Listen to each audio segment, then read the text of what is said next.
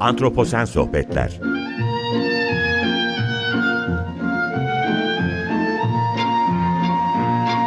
Hazırlayan ve sunan Utku Perktaş Merhaba, iyi akşamlar herkese. Antroposen Sohbetlere hoş geldiniz. Ben Utku Perktaş. Bugün Orta Doğu'nun politik yapısı ile iklim değişimi arasında bir bağlantı kurulabilir mi sorusunu e, yanıtlamaya çalışacağız. Konuğum e, Kadir Has Üniversitesi Uluslararası İlişkiler Bölümünden Soli Özel olacak. Ama öncesinde ben bir kısa giriş yapmak istiyorum. Sonra da Soli Bey'e hoş geldiniz diyeceğim. İklim değişikliği ve Orta Doğu'daki su varlığı ve su kaynaklarının sürdürülebilirliği uzun vadeli çevresel değişikliklerle karşı karşıya olan toplumların uyum kabiliyetini anlamak açısından önemli görünüyor. Bu durum çöl ve yarı kurak alanlarda yerleşik ve göçebe nüfusların hayatta kalması için su bulunabilirliğinin önemli bir rol oynadığını da ortaya koymakta esasında.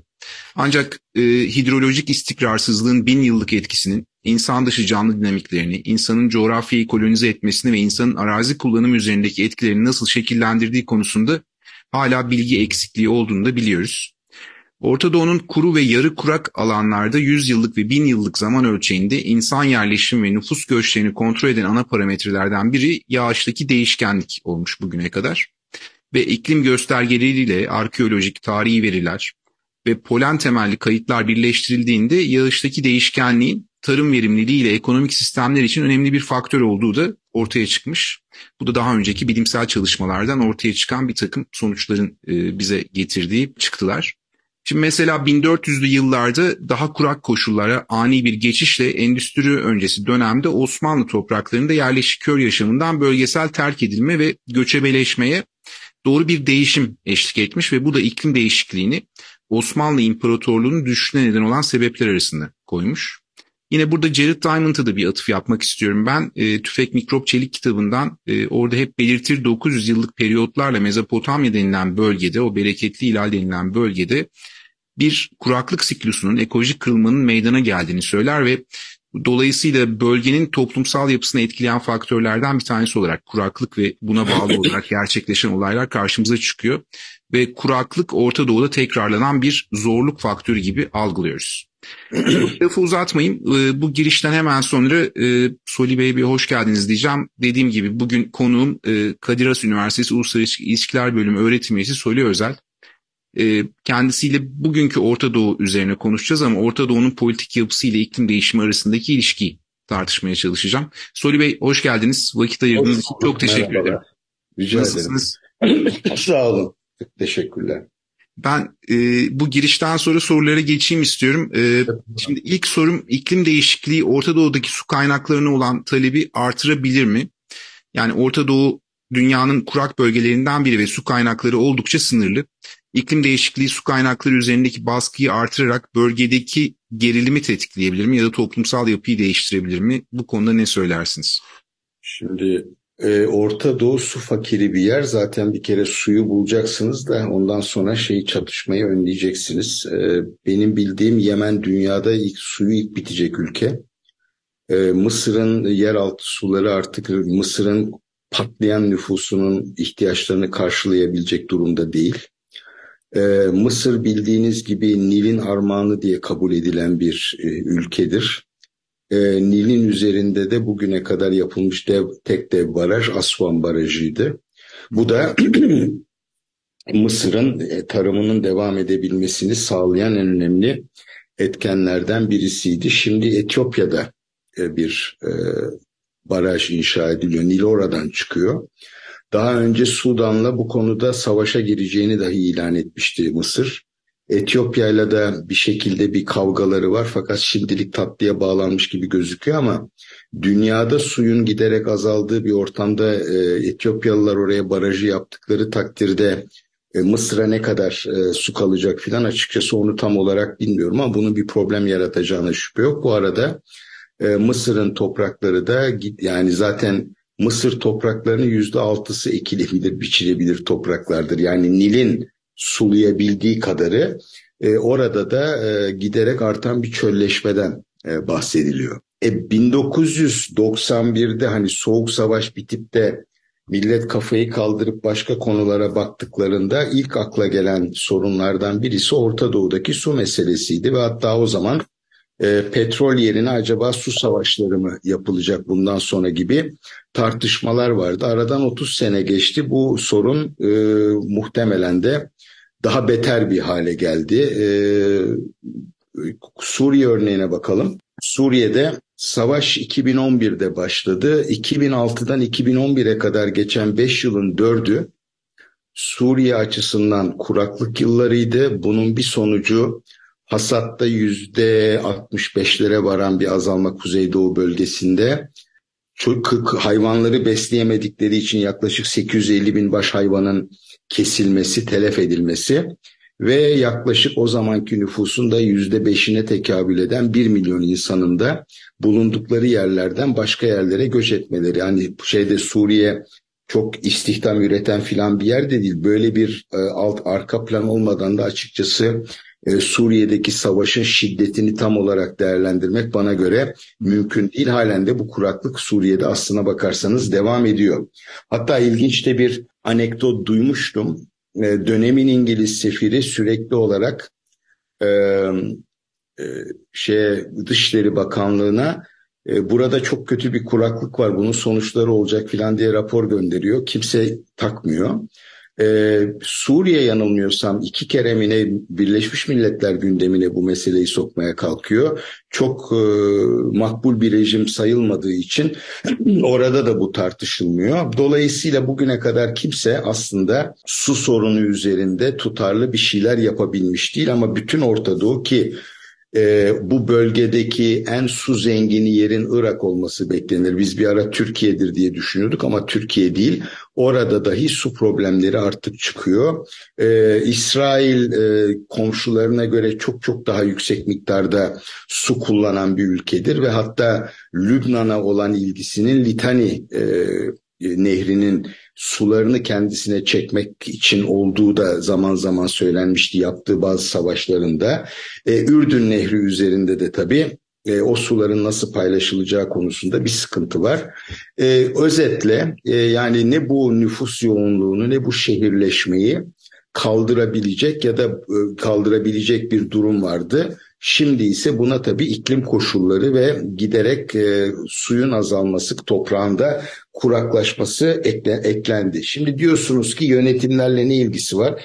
Orta Doğu yönetimlerinin ortak tarafı yönettikleri toplumları pek de önemsememeleridir diyeyim. Hani onlara doğru dürüst hizmet, onlara doğru dürüst e, e, yönetişim sunmak gibi bir dertleri en özellikle de son 20-30 yılda yok. Ondan önce ilk böyle e, kolonyal dönemin bittiği filan e, zamanlarda işte Bağız Partisi gibi partiler nispeten hala e, ideolojik bir takım e, heyecanlarını muhafaza ederlerken bunlar olabiliyordu ama e, artık o da yok. Bu sevmiyorum teyimi kullanmayı e, ama yani diyelim neoliberal dönemde şeylerin yönetimlerin kendi toplumlarıyla özellikle de toplumun varsıl olmayan bölümleriyle olan ilişkileri de daha da çok koptu. Bir şeyin çarpıcı örneği şudur.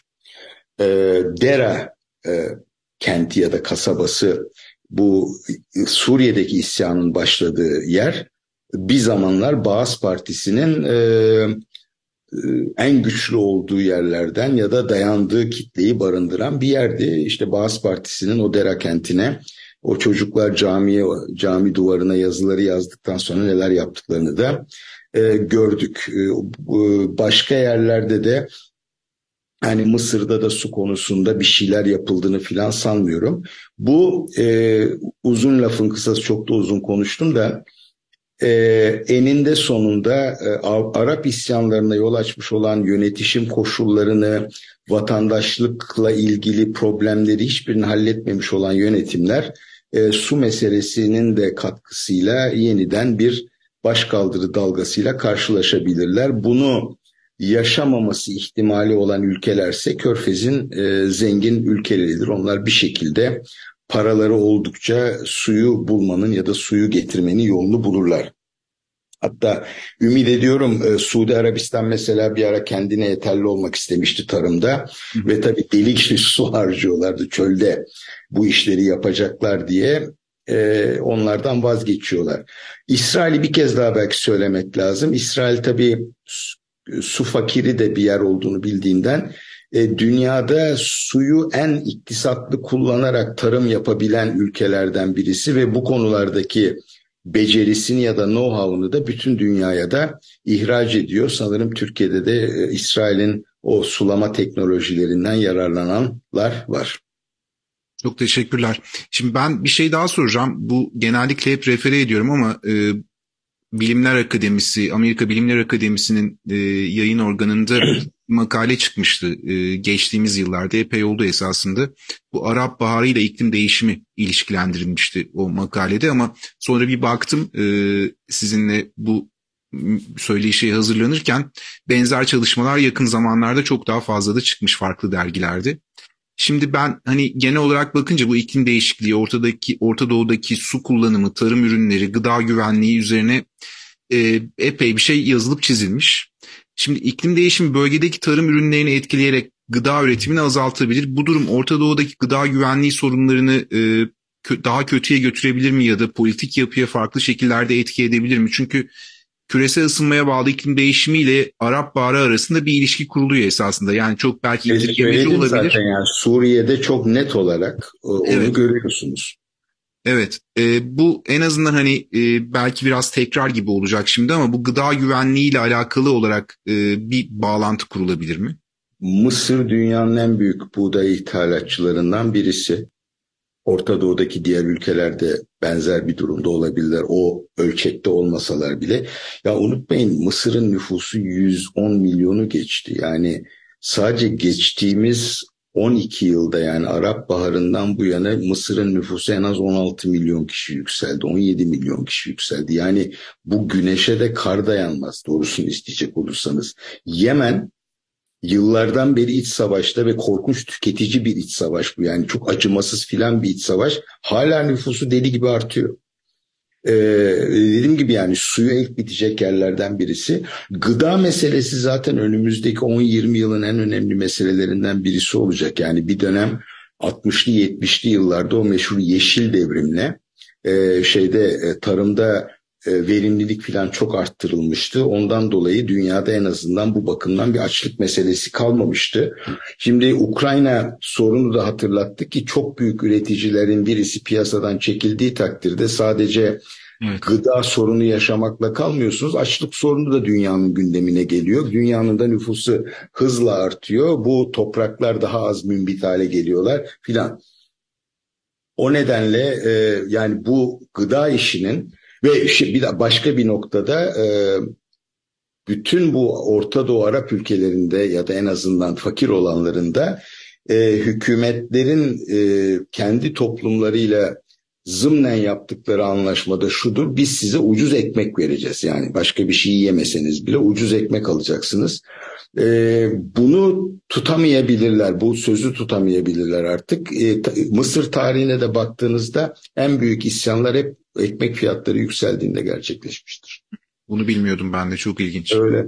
Yani mesela 1977 ocağında vardır büyük bir patlama. Ee, işte 5 kuruş filan zam yapıldığı içindir şeye ekmeğe. Yani Sedat'ın Sedat'ın e, her türlü e, ne diyeyim Arap dünyasınca konmuş sınırı e, aşarak e, İsrail'le barışa doğru için Knesset'e gitmesi de bu, bu şeylerin Ocak ayın Ocak 77'deki e, büyük e, şeylerin gösterilerinde sonuçlarından biridir. Ya da onun gerekçelerinden birisi de ya da ona sebep olan unsurlardan birisi de bu ayaklanmadır.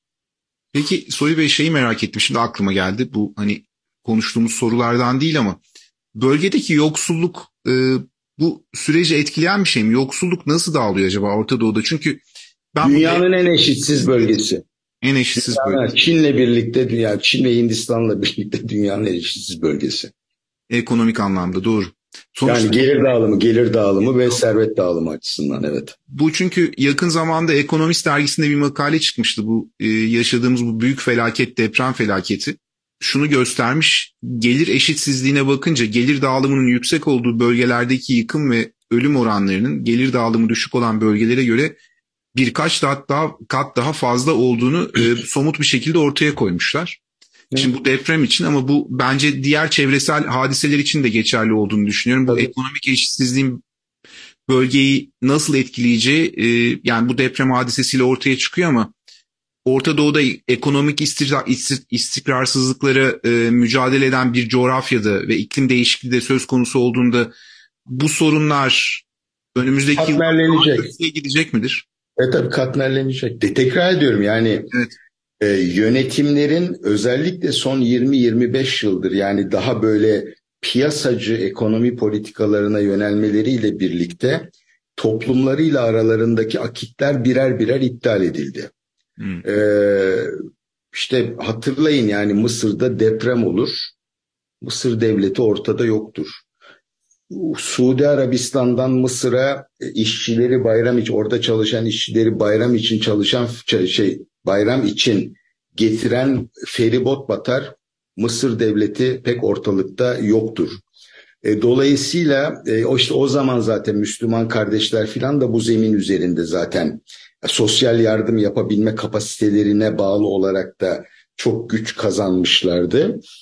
E, bu e, ya bu rejimlerin ki dediğim gibi kendi toplumlarına yönelik herhangi bir sorumluluk duygusu artık pek kalmadı. Körfez ülkeleri iki bakımdan farklı. Bir işte adam yani şeyin e, Katar'ın normal nüfusu 200'lü 500 bin öyle bir şey ama işte 2 milyon ya da 3 milyon köle statüsünde işçi var yani Dünya Kupası'nda da bu aynı şey Birleşik Arap Emirlikleri için filan da geçerli. E, dolayısıyla onlar onlar kendi vatandaşlarını mutlu mesut e, tutabiliyorlar. Diğer ülkelerin o tür bir lüksü filan da yok. E, e, bu bu durumda yani e, kendi toplumuna pek önem vermeyen, onlara yönelik baskıcılıktan öteye bir çare düşünemeyen, düşünen, e, üretebilecek kapasitedeki eğitimli e, şehir kentli sınıflarına eziyet eden, onların liderlerini de içeriye atan rejimlerden bahsediyoruz. Bunlar e, bildikleri tek yöntemle kuraklıktan, e, yoksulluktan ya da gıda eksikliğinden kaynaklanan sorunları çözmeye çalışacaklardır. Yani e, atıyorum 10 metrekarelik e, zindana 60 kişiyi atacaklardır ve herkes defi hacet dahil olmak üzere bütün ihtiyaçlarını bir arada yaşarken orada gösterecektir ki nitekim Sisi döneminde bunlar yaşandı şeyde e, Mısır'da yaşandı. Suriye'yi düşünmek dahi istemiyorum. Biliyorsunuz arada bir millete gelin dediler. Gidenler, yani geri dönenler gittiklerine pişman oldular. Eğer yaşayabildilerse tabii geçirdikleri işkenceden sonra. Hiçbir yerde çivi tutmuyor. Yani bunların içinde iyi kötü kaynakları da olduğu için daha iyi yönetilebilecek olan ülke Irak'ta. O da sektörliğin e, pençesinde kalmış olduğu için işte eşitlikçi bir e, sistem içinde yönetilmiyor. Dedim bu petrol gelirlerine filan rağmen. Şimdi son sorum da aslında çerçeveyi çok güzel çizdik buraya kadar. Aklımda, aklıma takılan bir soru. Özellikle Orta Doğu petrol ile tanınan bir coğrafya olduğu için ve küresel ısınma dediğimiz zaman da bugünkü iklim değişim problemi dediğimiz zaman da işte Paris İklim Anlaşması'nı biz de imza attık sonunda ve e, bir takım fosil yakıtların kullanımını e, artık sınırlamamız gerekiyor. E şimdi Orta Doğu petrolle tanınıyor. Ne olursa olsun petrol kaynakları kullanılıyor Orta Doğu'da. Fosil yakıt kullanılıyor. Şimdi bu durum fosil yakıtlarla tanınan bir coğrafya olması, bu durum bölgedeki ekonomilerin iklim değişimine karşı daha az dirençli hale getiriyor mu sizce? E, bunu nasıl değerlendirebiliriz? Bir kere yani bölgedeki her ülke petrol zengini falan değil. Yani şey ülkeleri, Körfez ülkeleri, Körfez belki. ülkeleri, Körfez ülkeleri petrol veya e, gaz zengini. E, buna Irak da dahil. Suriye öyle zengin mengin değil o konularda. Doğru, Mısır'da doğru. değil. Mısır'da işte son zamanda gaz mas çıkarıldı. Onlar da LNG ile bunu satmaya filan çalışıyorlar. Epey de verimli bir takım alanlar bulduklarını anlıyorum. E, Cezayir petrol zengini bir ülkedir. Bildiğim kadarıyla Fas'ın, Tunus'un filan bu tür şeyleri yok. Yok. Ee, İsrail'in şimdi gazı var. Ee, Yemen'in herhalde hiçbir şeyi yok. Ee, Sudan aslında dünyanın en mümbit topraklarına sahip, ekilmemiş mümbit topraklarına sahip olan bir yerdi. E, o yüzden de hani onlar baraj inşa etseler ve Nil sularından yararlansalar bir de bunu örgütleyebilseler herhalde e, dünya fiyatlarını etkileyecek bir e, üretimi de gerçekleştirebilirlerdi. Şimdi kısa vadede bir kere e, ne dünyanın ne de bu bölgenin e, petrol geliri ya da yani dünyanın petrol bağımlılığından bölgenin de petrole bağlı gelirden e, kendini kurtarması ya da bundan vazgeçebilmesi mümkün değil. E, diğer körfez ülkeleri ellerindeki paraların bir kısmını kör şey petrol sonrası bir dönem için kullanmaya e, çalışıyorlar. E, şimdi Mısır'a gidip de ya Doğu Akdeniz'de şeye yol açmayalım. E, daha beter antroposen gelişmelerine yol açmayalım. Siz gelin LNG'den vazgeçin filan derseniz herhalde gülerler. E yani çünkü günü kurtarmak zorundalar. Dediğim gibi 110 küsur milyonluk bir e, şeyi, bir nüfusu başka hiçbir şey yapmıyorlarsa bile ucuza doyurmak filan zorundalar. O nedenle yani bu bağımlılıklar devam edecek. Bir de Körfez ülkeleri artık e, geri kalan Arap dünyasıyla olan bağlarını da büyük ölçüde zayıflattılar. Yani bakıyorsunuz bugün Suudi Arabistan ki çok yakın zamana kadar Lübnan'ı ayakta tutuyor. Yani Lübnan ordusuna işte vazgeçtiği yıl 5-6 yıl oldu galiba. Ee, Suudi Arabistan 3 milyar dolar para verirdi Lübnan ordusu işleyebilsin diye. Sonunda ya biz veriyoruz Lübnan'a parayı da bundan Hızbullah yararlanıyor. Hızbullah kime? Şiiler. Onlara kim destek veriyor ya onlar kimin müttefiği? İran'ın. E, İran bizim can dostumuz. Dolu, şey, pardon Allah söyletti. Can düşmanımız. Dolayısıyla dolayısıyla biz niye Lübnan'ı besliyoruz dedi. Lübnan bitti. Yani Lübnan bitti yani. Ben e, Ocak ayında oradaydım. Elektrik yok. Korkunç bir halde. Ya ve belki de Arap dünyasının bence Filistinlilerle birlikte en yaratıcı kitlesi yani nüfus kendi nüfusunun en az e, iki katı kadar Lübnan kökenli insan yurt dışında yaşıyor ve müthiş işler yapıyorlar. Yani dünyanın en önemli gazetelerinden birisi olan Financial Times'ın başında Runa Halaf adlı bir Lübnanlı kadın var. Tamam, neyse. E, şimdi e, şeyler Körfez e, Körfez aynı şeyi Mısır'a yapsa Mısır hayatta kalamaz biter yani. O zaman da hani Libya'sıydı, şusuydu, busuydu çocuk oyuncağı kalabilir. Yani Avrupalılar Suriye göçlerinden korkuyorlarsa Mısır çöktüğü takdirde neler olabileceğini tahayyül bile edemeyiz biz. Tekrar ediyorum 110 küsur milyonluk bir nüfustan bahsediyoruz. Oradaki ama bu rejim de kendisini daha e, ne diyeyim e, sürdürülebilir kılmak, toplumunun enerjisinden yararlanarak sürdürülebilir kılmak konusunda da hiçbir şey yapmıyor. Mısır ordunun ülkesi.